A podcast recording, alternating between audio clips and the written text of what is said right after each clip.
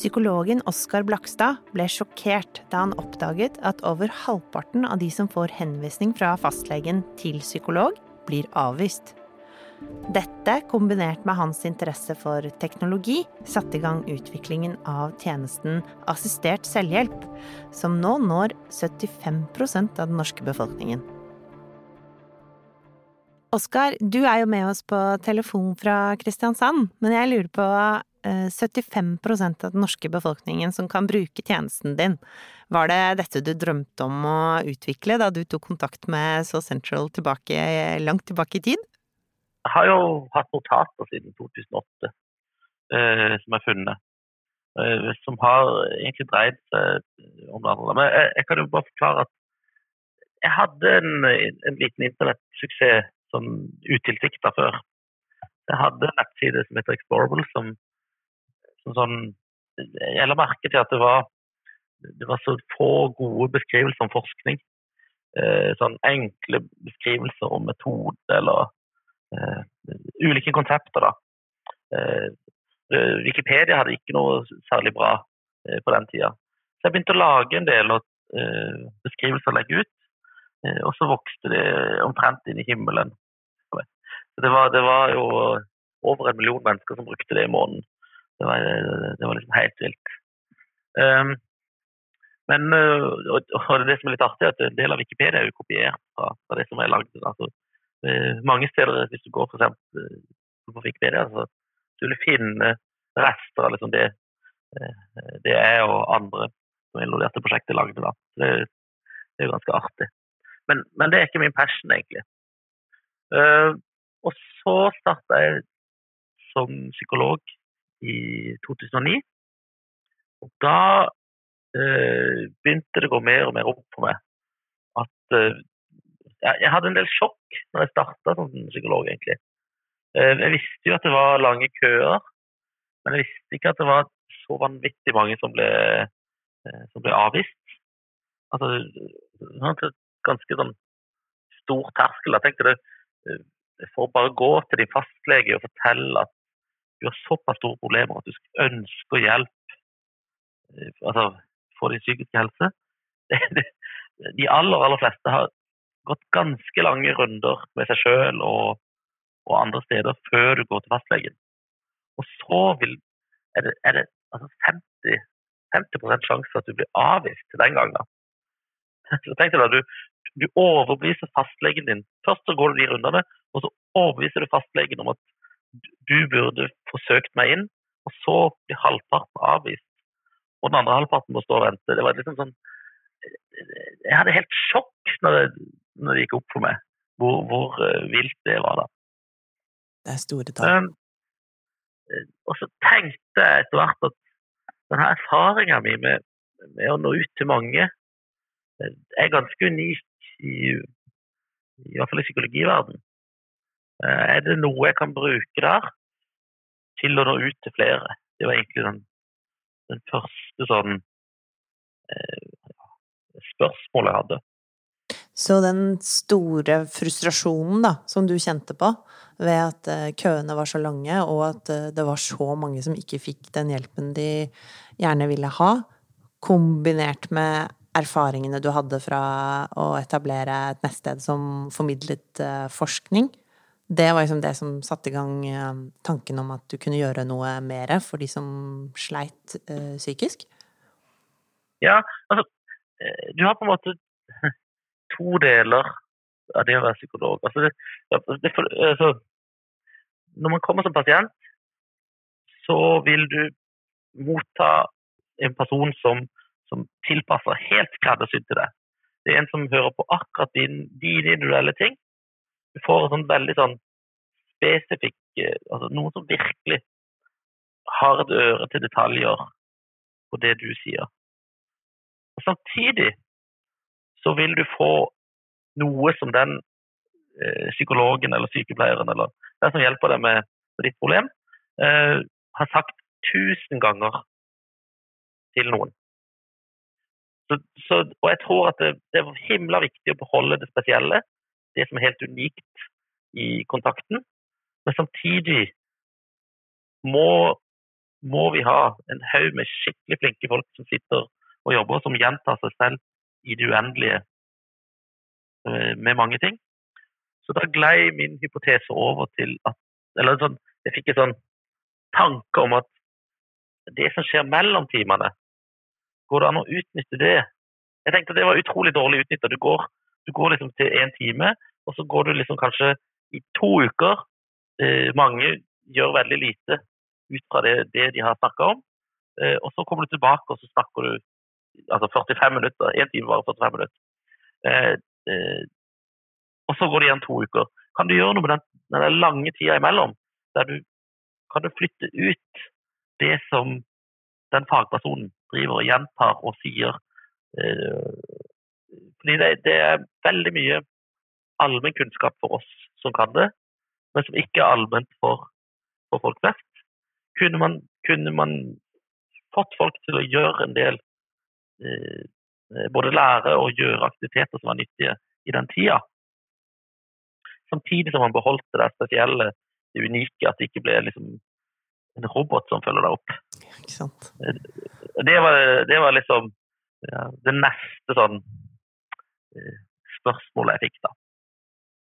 Og det er jo derfor eh, Det gir jo veldig mening nå når jeg da eh, vet at den tjenesten heter assistert selvhjelp.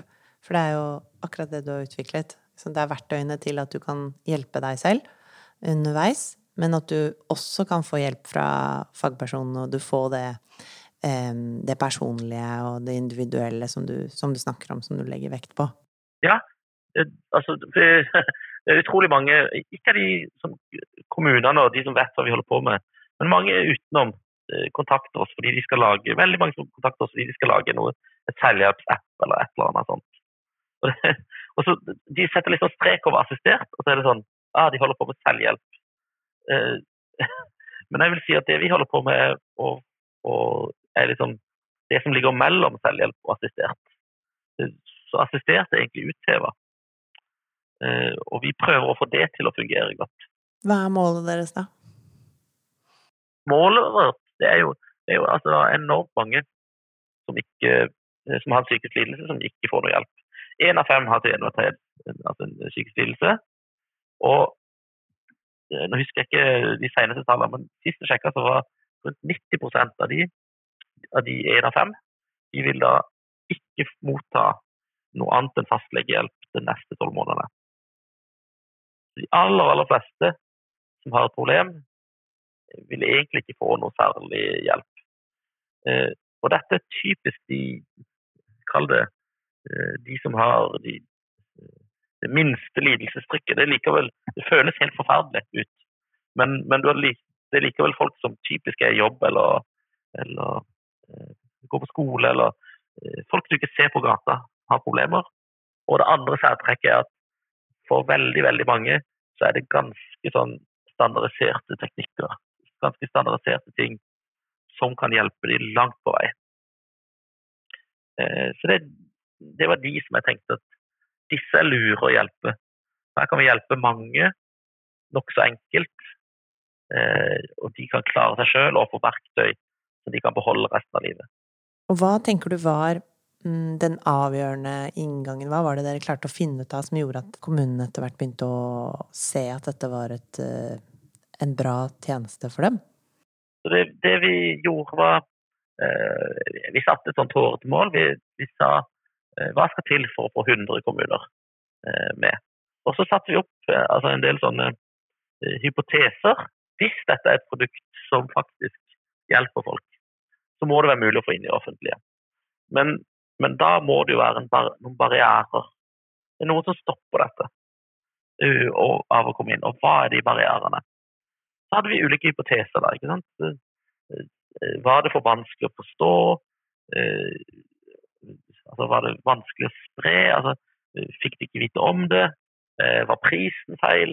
Altså, hadde mange sånne hypoteser der vi i min, i min opplevelse var at vi vi prøvde å få vekk eller få ned barrierene én etter én, eh, for å sjekke det, da. Eh, og det var sikkert summen av alle de tingene som gjorde at etter hvert eh, Og jeg husker det var en, en som sa det som er ditt problem, du må få de som er ambassadører til å ambassadøre mer. Ambassadere mer. Så det jobber jeg veldig mye med. Å få de som allerede var litt syntes det var gøy å jobbe med, eh, å få de til å bli enda mer tent og, og spre det mer da, til andre. Eh, og det viste seg å være en veldig god taktikk. da. Og så øh, forstår jeg, når jeg hører deg fortelle, så tenker jeg at det også handler veldig om å løfte tematikken, da, og si hei, altså vi har et felles problem, dette kan vi løse sammen. Så i stedet for å si dette produktet burde dere ha, så sier man her har vi noe som kanskje vi kan utvikle sammen, og som kan bidra til å løse det problemet. Ja, vi utvikler jo dette eh, Jeg identifiserte jo Rask selvhjelp som eh, der burde vi sette inn støtet. Eh, men, men, vi fikk jo med oss tre kommuner til å samarbeide om å utvikle verktøyet før det lanserte. der både de gikk gjennom og brukere altså Vi hadde brukerinnspill og ja, ganske mange forskjellige vinklinger før vi egentlig eh, tok det ut. da. Og selv da så, så fortsatte vi. vi har, den dag i dag eh, så jobber vi veldig aktivt med brukertilbakemeldinger og uh, hvordan vi kan fri ting hele veien. da. Så dette ble jo ut, utvikla i stor grad av kommunene sammen med oss. da. Og så lurer jeg veldig, da, Oskar, fordi dette hårete målet dere satte dere på nå 100 kommuner. Eh, hvordan har det gått med det? Ja, Vi er litt over 100 kommuner. Eh, vi har slutta å telle kommuner. Det er et veldig dårlig mål i Kommune-Norge. Altså, du har eh, hva er det, Utsira med 300 innbyggere. Ja. um, men, uh, men, vi har jo i stor grad de største kommunene. da. Så Til sammen så dekker de en befolkning på 75% i Norge. da. Jeg tenker på, for du jobbet jo lenge, ikke sant? og du var ganske Du var frustrert. Det tok for lang tid. Det tok veldig treigt å komme ut til kommunene. Eh, dere satte opp alle disse mm, eh, hypotesene som dere testet ut sammen. Og så må det jo ha skjedd noe som løsnet da, på dette. Hva var det? Hva var liksom den utløsende Hva var vippepunktet? Eh, jeg tror det var summen av alle tingene. og så gikk det litt lettere fikk vi et par til, og så kom det plutselig tre-fire. Og så plutselig kom det en som aldri vi hadde snakka med, som ringte oss, kontakta oss. Kan vi få dette? Da skjønner de at her er det på noe. Men det er veldig vanskelig å vite hvor vippepunktet er. Men det høres ut som læringen er at det, eh, man må bare stå på, at det tar lengre tid enn man kanskje tror når man uh, begynner på en sånn reise? Definitivt for min del. Man er jo man, Kanskje man begynner med det fordi man er optimist. og, så, og så Man hadde kanskje ikke begynt på det hvis ikke. Og så tar det jo vanvittig mye lengre tid enn man tror. Men hva slags egenskaper tenker du er viktig da, når man jobber sånt, eh, med, med, en sånn idé og har denne drømmen? Hva slags egenskaper tenker du er viktig for å, for å faktisk lykkes?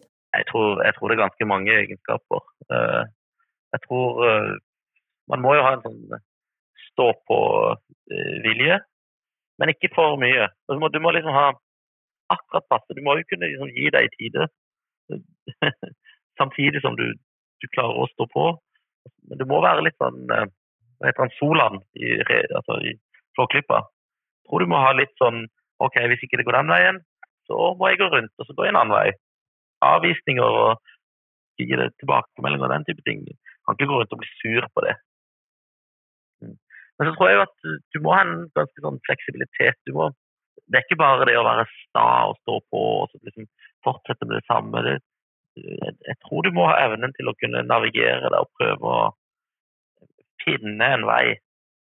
Eh, og eventuelt altså, og kutte ting. Altså, så, slutt i tide. Det er noen ting, Du må òg evnen til å liksom la være å gjøre ting for, for å prøve å komme, komme frem. da. Og så tror jeg du må ha flaks.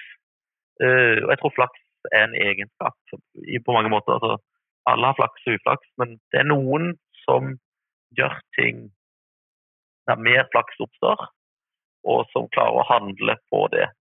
Det finnes egen forskning. Jeg kan anbefale en bok som heter Luck Factor, av, som, uh, skrevet av en psykolog, Richard Wiseman. og den, den, handler om de Det er masse eksperimenter som handler om hva folk, hva heldige folk gjør.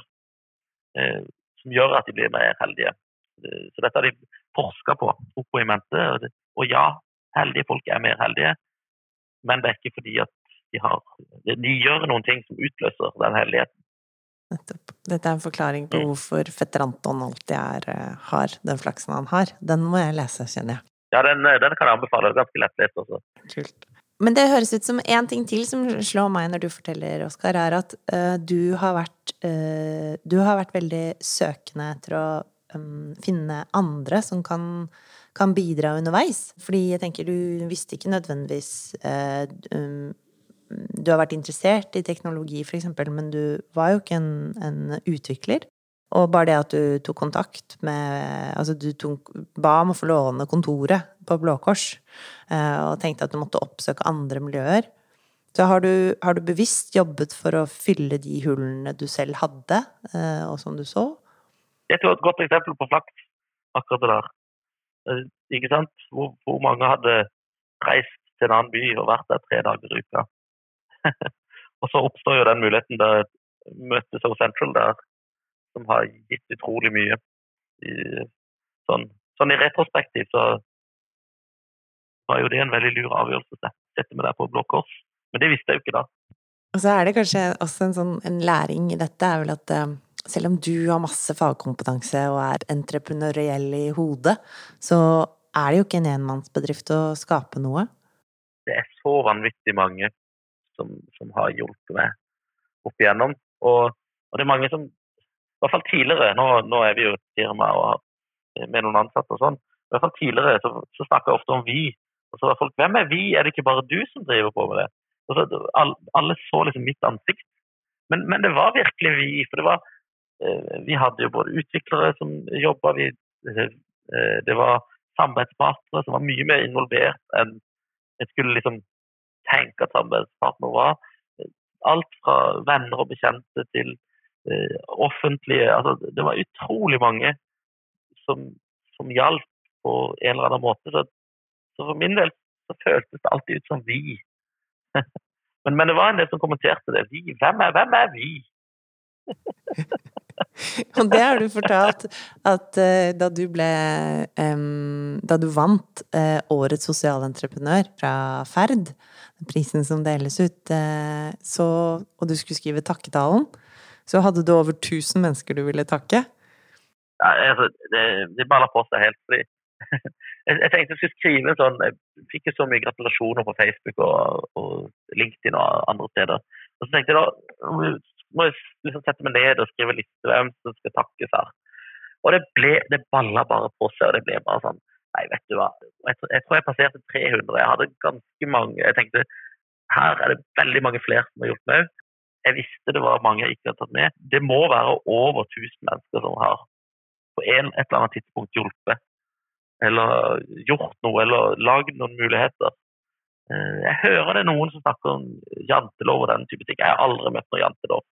Eh, hvis folk holder på med janteloven, så, så gjør de det bak min rygg. For jeg har aldri hørt det. Helt ærlig. Fantastisk. Men eh, hvordan, eh, hvordan, løste du da takketalen? Jeg må bare høre hvordan du fant ut av hvordan du da kunne takke. Jeg skrev ganske ærlig at det var, det, det var for mange. Jeg trodde at det var over 1000. Eh, men jeg tror jeg takker So Central og Ashoka, som var på en måte de som virkelig hadde tatt meg opp på oppløpssida og så lot jeg være å nevne flere. Ja, Selv om det var veldig veldig mange som hadde fortjent en takk der, for å si det mildt. Det er veldig hyggelig, da. Jeg snakket litt med Katrine før jeg skulle eh, snakke med deg, Oskar, og hun sa at eh, de hadde blitt så begeistra av å møte noen som hadde så tydelig konsept for å endre et system. Eh, og de så virkelig potensialet i at mange flere kunne få hjelp. Og så skjønte de at du var en person som kunne klare å få det til. Jeg tror kanskje de tre tingene var jo en veldig god match. fordi veldig mange jeg møtte før det, så ikke det potensialet. Og kanskje heller ikke at det var meg som kunne klare å, å endre det, det vet jeg ikke. Men, eh, men, men, de så virkelig ikke det. Og det var nok fordi de hadde en business-idé. Og, og selvfølgelig sånn businessmessig så er jo det finnes jo masse, mye lettere veier til å lage en god business. Hadde jeg skulle lage business, hadde jeg kjøpt et hus i Oslo og lagd parkeringshus. Så hadde jeg malt hvite streker, og så hadde jeg sittet og sett på pengene komme inn. Men det var liksom ikke det jeg hadde tenkt å gjøre og bruke livet mitt på. Ja, det, var, det var vel akkurat det som gjorde at jeg fikk den hjelpa, var at de så at dette kunne være mulig. Fins det noen steder på denne veien fra ja, synes du sa, de første notatene kom i 2008 på denne ideen, hvor du tenkte dette her, det kommer ikke til å gå, jeg orker ikke å jobbe mer for det? Mange ganger. altså, jeg var nesten tom for penger seks ganger. Um, sånn virkelig nære. Mm. Uh, sånn, med nødskrik hele tida gått videre. Uh, jeg husker det ikke, men kona mi fortalte meg at det var en eller annen fredag for er mange år siden. Uh, som jeg bare, Hun kom hjem fra jobb og så sa jeg, dette gidder jeg ikke mer. Jeg, jeg, jeg gir opp. Og så kjøpte jeg et eller annet dataspill og så satt og spilte det resten av helga. og så gjorde jeg ingenting. Jeg vanligvis, jeg, vanligvis har, har jeg jobba i helga eller noe sånt. Og så på mandag så, så, ringte det en eller annen kommune som jeg ikke hadde møtt før, og som var veldig interessert i det jeg holdt på med, og så hadde jeg snudd, snudd.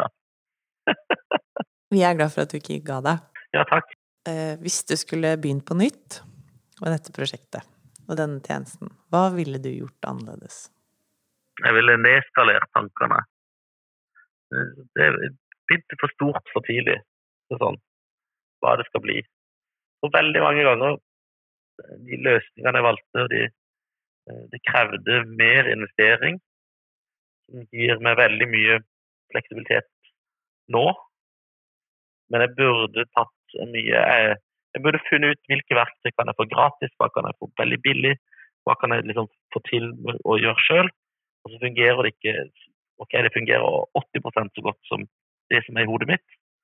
Eh, kan jeg bruke noen andre sine verktøy og betale bitte grann istedenfor å, å holde på å mekke med mitt eget? Eh, når du da kan begynne å tjene penger, så kan du heller lage den løsninga du vil. Så prøve mye mer nedskalert løsning som er mye mer spissa er det en tilbakemelding du har fått som du husker spesielt godt, eller som har gjort ekstra inntrykk på deg? Det er ganske mange tilbakemeldinger. men Poenget er jo at tilbakemeldinger er så fantastisk, fordi de, gir deg beskjed om ting som du aldri har tenkt på. Så selv jeg som har jobba med dette i ganske mange år, så får, får du plutselig en tilbakemelding så er det sånn, helt sånn lamslått. Hvorfor har jeg ikke det så selvfølgelig, men det har jeg ikke tenkt på i det hele tatt. Jeg husker spesielt det var, eh, Vi hadde en sånn fysisk aktivitet-del. og så Eh, det er vanvittig viktig med, med flere, spesielt depresjoner, men flere psykiske lidelser, eh, å få det i gang. da. Så husker det kommer tilbakemelding. Jeg sitter i rullestol. Ingen av disse aktivitetene passer for meg. og så, så, så jeg på det, og nei, det, det var helt riktig, det.